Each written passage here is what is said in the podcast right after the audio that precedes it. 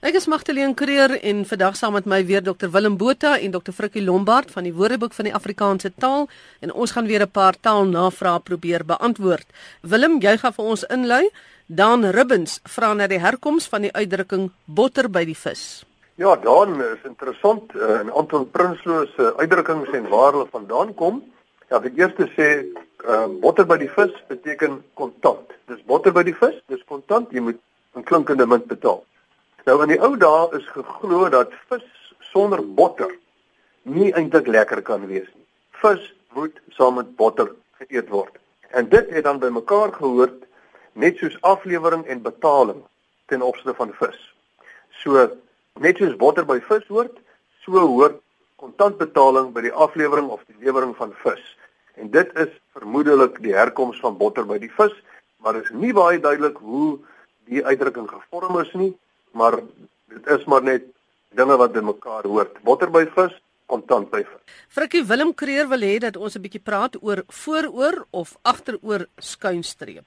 Ja, Willem het hier geskryf en hy gesê mense hoor uh, in rekenaartaal nogal van 'n vorentoe skuinstreep uh en 'n agtertoe skuinstreep en hy is van mening dat die woorde vooroor skuinstreep baie meer gepas is en ook agteroor skuinstreep.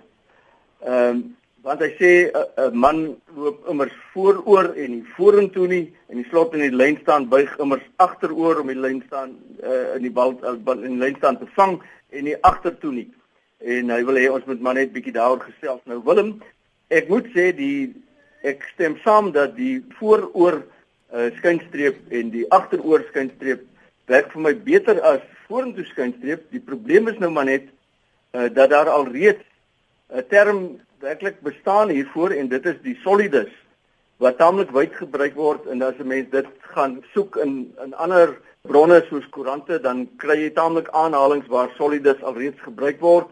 En dit is ook iets wat uh jy weet wanneer mense redigeer dikwels gebruik word. So daardie woord is bekend. En ons gebruik die solidus vir die een streepie wat dan as dit ware na boontoe na regs oorhelp en die trisolidus vir die ene wat andersom lê. Maar 'n mens kan wel ook praat van 'n skynstreep en dan 'n triskynstreep of 'n tristreep as jy wil. En vorentoe skynstreep, agtertoe skynstreep?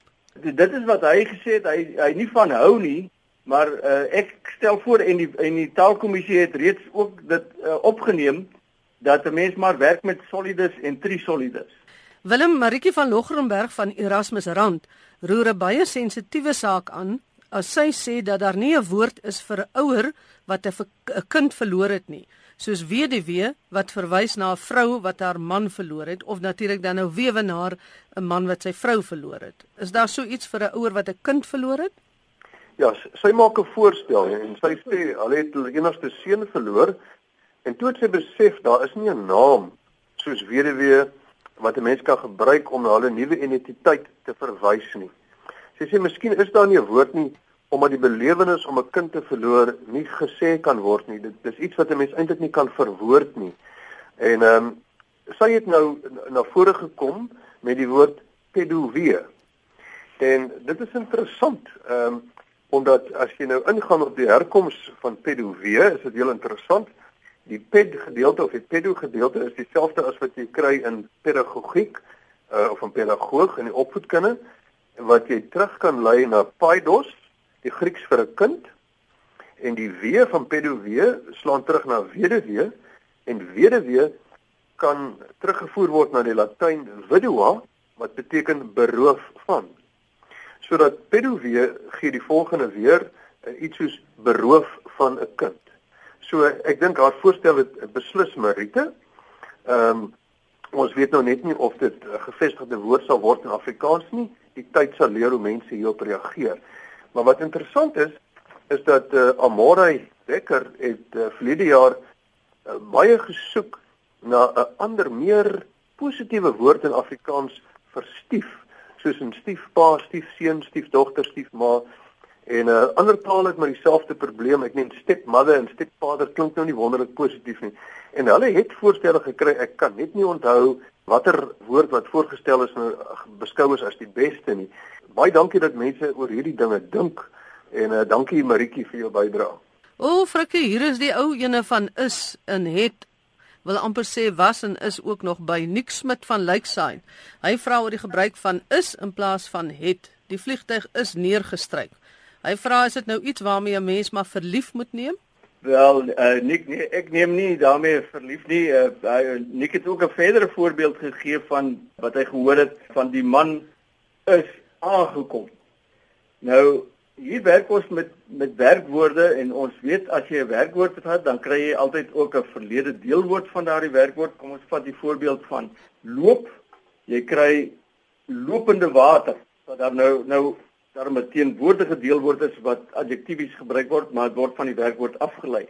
En sekere werkwoorde vorm teenwoordige deelwoorde wat so adjektiefs gebruik kan word, maar ander het dit weer nie. Ander vorm eh, vorm net die teenwoordige deelwoord, maar nie verlede deelwoord nie. So kan ons dan praat van as ons die werkwoord aankom vat, aankomende verkeer en dit is 100% in orde. Maar ons kan nie gepraat eintlik van aangekomde verkeer nie of die man is aangekom of die aangekomde man nie.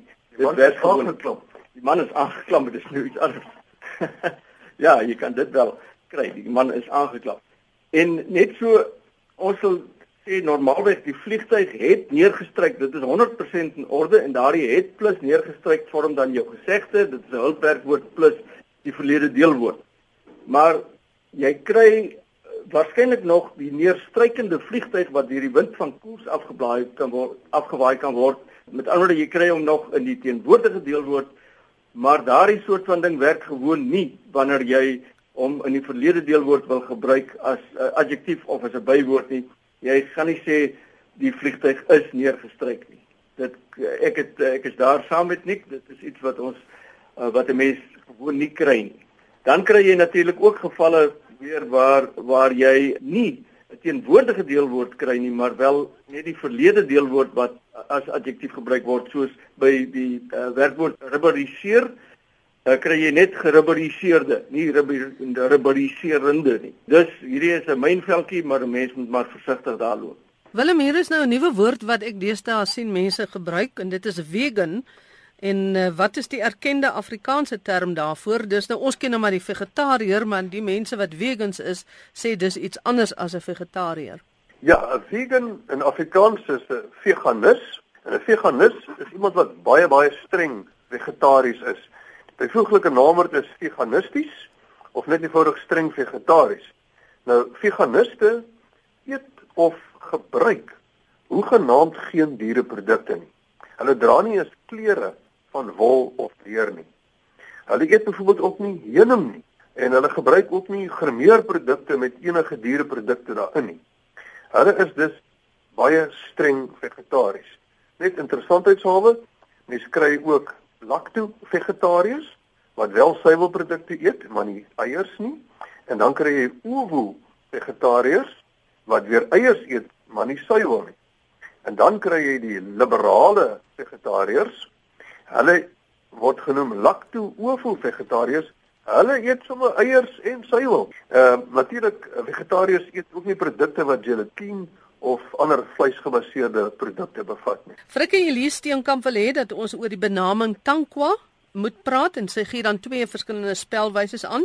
Sy noem dat sy aanvaar dat dit van die san se woordeskat afkom, maar wat is die werklike betekenis? En dis nou seker na aanleiding van die tankwa karoo daar in die berge in.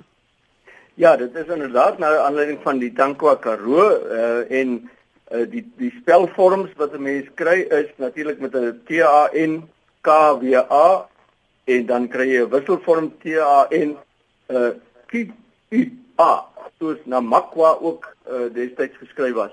K W A uitgang of die Q U A uitgang. Nou, dit is daardie deel van die Karoo uh, en die grense is maar bietjie diffuus, maar dit sê maar so 'n hele aantal kilometer wes van Sutherland, so 70 km en oos van die Cederberge as jy dit maar so daar wil inpas. Nou daar is 'n paar moontlikhede wat ek kon opspoor waar hierdie woord vandaan kom. Die een moontlikheid wat genoem word, maar wat wat nie so heel waarskynlik is nie, is dat die vorm eintlik Sankwa was en dan is dit San beteken dit die mense, die San mense of Boesmans soos ons ook dit wil sê, en die kwa soos ook by Namakwa is 'n meervoudsvorm. Met ander woorde dit is san mense. Nou ek dink die die benaming met die kwa vorm klink vir my eerder na die koi taal asof dit dis nama mense is wat die naam gegee het van die plek en in daardie taal kan dit beteken plek van dors wat natuurlik heeltemal sin maak as 'n mens kyk na die plek dit is inderdaad 'n droogte gebied of dit kan beteken troebel water en dit die laaste is en ek is bevrees dit is al wat 'n mens maar kan sê is hier nie heel duidelikheid oor die naam nie dit kan ook wees die plek van die droogte bewoners mense wat in die droë streek gebly het en dit kan nou wees dan san mense tipies maar ook koi en dan praat ons ook maar dikwels somme van die koi san as wat een groep is maar dit is eintlik twee verskillende groepe. Amanda van Standerton wil weet wat die herkoms van parkiet is en uh, Willem sê jy vir haar help. Parkiet is natuurlik nou net 'n tipe klein papegaai en ons het parkiet by die Nederlands parkiet gekry maar daar is onsekerheid oor die werklike herkoms van die woord. Dit hou miskien verband met die Frans perroquet en perroquet is die verkleinwoord van peer. Met ander woorde 'n peertjie. Seker maar uh, omdat dit nou 'n klein papegaai is, noem hulle hom peertjie. Of dit kan verband hou met die Italiaans perroquetto. En perroquetto is nou weer die verkleinwoord van parrocco. Parrocco is 'n pastoor. So in Italiaans beteken dit pastoortjie. So die parkiet is of 'n pastoortjie of 'n peertjie afhangende van watter land jy kom. So dit is al wat ons weet. Maar miskien moet ons dan maar gaan na papegaai toe omdat dit verband hou en papegaai kom uit Nederlands wat ons betref. Dit gaan terug op oud Frans papagaai, na Spaans papagayo, na Arabies babga. So al die tale het dit eintlik maar uit die oorspronklike Arabies babga en babga het maar beteken papegaai. Ons weet nie hoekom dit in Arabiese tale 'n babga genoem is nie. En wat verder interessant is, is maar net twee verouderde forme, die verouderde Engelse vorm wat jy kry nog in vandag se woorde boeke, popinjay. Popinjay is dan nou 'n papegaai in Engels en dan ook Sweeds wat baie klink soos Afrikaans, papagoya. Dan is daar SG de Tooi wat wil weet hoekom praat 'n mens van 'n jammerlappie en ook wil weet of ons weet van 'n afdrukkertjie wat dit is. Ja, ek ek begin maar by die afdrukkertjie want dit is nou vir my interessant. Uh, SJC in die laat 50er jare het sy as uh, student by die beroemde Birkenhead Hotel op uh, Manus gewerk en die Kersmaal Nuwejaarsetens was dan drie sittings om te telk en ek en my kollega moes sê sê sy die moes die spyskaarte tik. Toe was daar nog nie iets so Tipex dat jy dinge kon regmaak nie. Maar in elk geval sy sê die laaste item op die spyskaart was 'n afdrukkertjie en dit is dan 'n klein koppietjie koffie en ek ek neem aan dit is dan om al daardie kos mee af te sluk of die kos af te druk. Nou die jammerlappie uh, het twee moontlike verklaringe. Dit is die een wat vir my onwaarskynlik is is dat omdat jy nou die lappie gebruik vir allerlei skoonmaakwerkies en afveewerkies eindig die lappie maar in 'n in 'n treurige toestand, 'n jammerlike toestand. Maar die ander verklaring wat ek meer dikwels raak lees is dat dit dat 'n mens eintlik is te jammer vir jou servette. Jy wil nie die servette sommer net gebruik nie en nou gebruik jy maar hierdie klam lappie. En dit kry ons meermale terug. Ek het sommer gaan kyk wat die woordeboek se inskrywings is uh, oor jammerlappie. Dit begin by uh, die laanvoer wat 'n persoon wat in rou is om die hoed gedraai het, is ook 'n jammerlap genoem en dan natuurlik die enetjie wat ons ken wat jy gebruik in die plek van servette En interessant genoeg 'n ander woord wat daarvoor gebruik is is ook 'n desnoodsie. Iets wat jy desnoods moet gebruik, 'n desnoodsie of 'n klamtante. 'n Waslap is ook genoem 'n jammerlappie of 'n desnoodsie. En dan 'n persoon wat vuil en onnet is of 'n sukkelaar is is in by Mosselbaai rond en in die Vrystaat is so 'n persoon ook 'n jammerlap genoem. Dan ook iemand wat altyd iets het om oor te kla, het ook 'n jammerlap gegee. Nou die van ons wat graag boontjie breedie eet en ons boontjies moet skoonmaak en sny, die groen boontjies nou, sal nou ook graag wil hoor wat julle te sê het oor die volgende. En dis Gerrit van Rooyen wat sê hy het as kind die uitdrukking boontjies haar geken as hy nou die boontjies moet skoonmaak voor dit gesny kan word om gekook te word.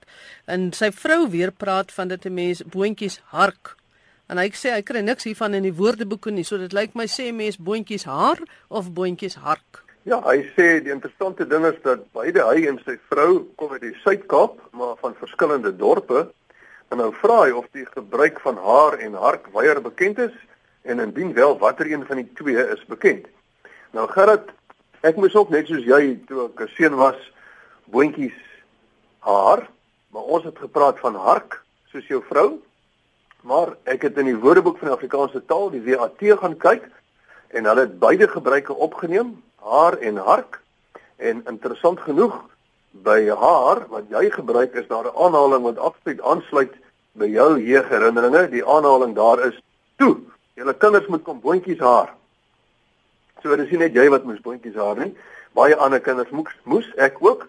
Die interessante ding is dat die WAT het behalwe haar en hark, het hulle ook nog afhaar, afhark en draad. Jy met die boontjies draad, nou jy met daai draad trek in die lengte en moet hom aftrek.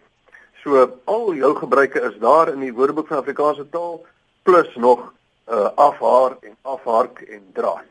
Ja, as my ma altyd gesê het kom hark die boontjies dan jy gemaak of jy nie hoor nie, maar gelukkig die boontjies deesdae het nie meer 'n haar om af te haal nie. Ja, dis nou die lui huisvrou boontjies se tyd, né? Ja, dis tyd dat ons ook 'n bietjie lui raak. Maar, maar dit is amptelik die naam van die boontjie dink ek. Ons praat van uh, lui huisvrou boontjies. Ja, ek het gehoor dat mense gebruik dit so. Frikkie Petra Kotse wil graag weet wat die Afrikaans is vir back office staff of front office staff en ook vir volkort van 'n petrolstasie. Ek het maar gekyk Petra by by wat die ekonomiese en bedryfswoordeboek van Steenkamp en Reinders hieroor sê en hulle praat vir die front office staff van voorkantoor personeel natuurlik alles vasgeskryf en uh, die back office staff dan die agterkantoor personeel ook vasgeskryf. By volkort het ek net gesien hulle praat van 'n 'n volkort attendant Dit is nou iemand wat by 'n filmstasie werk en dan hulle het gepraat as 'n voorplein werker of 'n voorplein assistent. Dus lei ek daai af dat hulle as jy van die voorkort van 'n petrolstasie praat, dan praat jy maar in Afrikaans van die voorplein. Uh dit klink 'n bietjie raar, maar nou ja, mense raak aan enigiets gewoon. Maar dit is nou volgens die manne van die ekonomiese en bedryfswoordeboek is dit die gebruik wat ons moet die lewe laat sien hier. En so kom ons aan die einde van vandag se taleprogram. Hoop jy het hierdie navraag baie geniet en 'n paar nuwe woorde geleer. En ek wil tog vra, kom ons kyk of ons dan die woorde solidus vir daardie vorentoe skynstreep en agtertoe skynstreep kan gebruik. En hoekom probeer ons nie om pedovie in gebruik geneem te kry nie? Groete tot 'n volgende keer.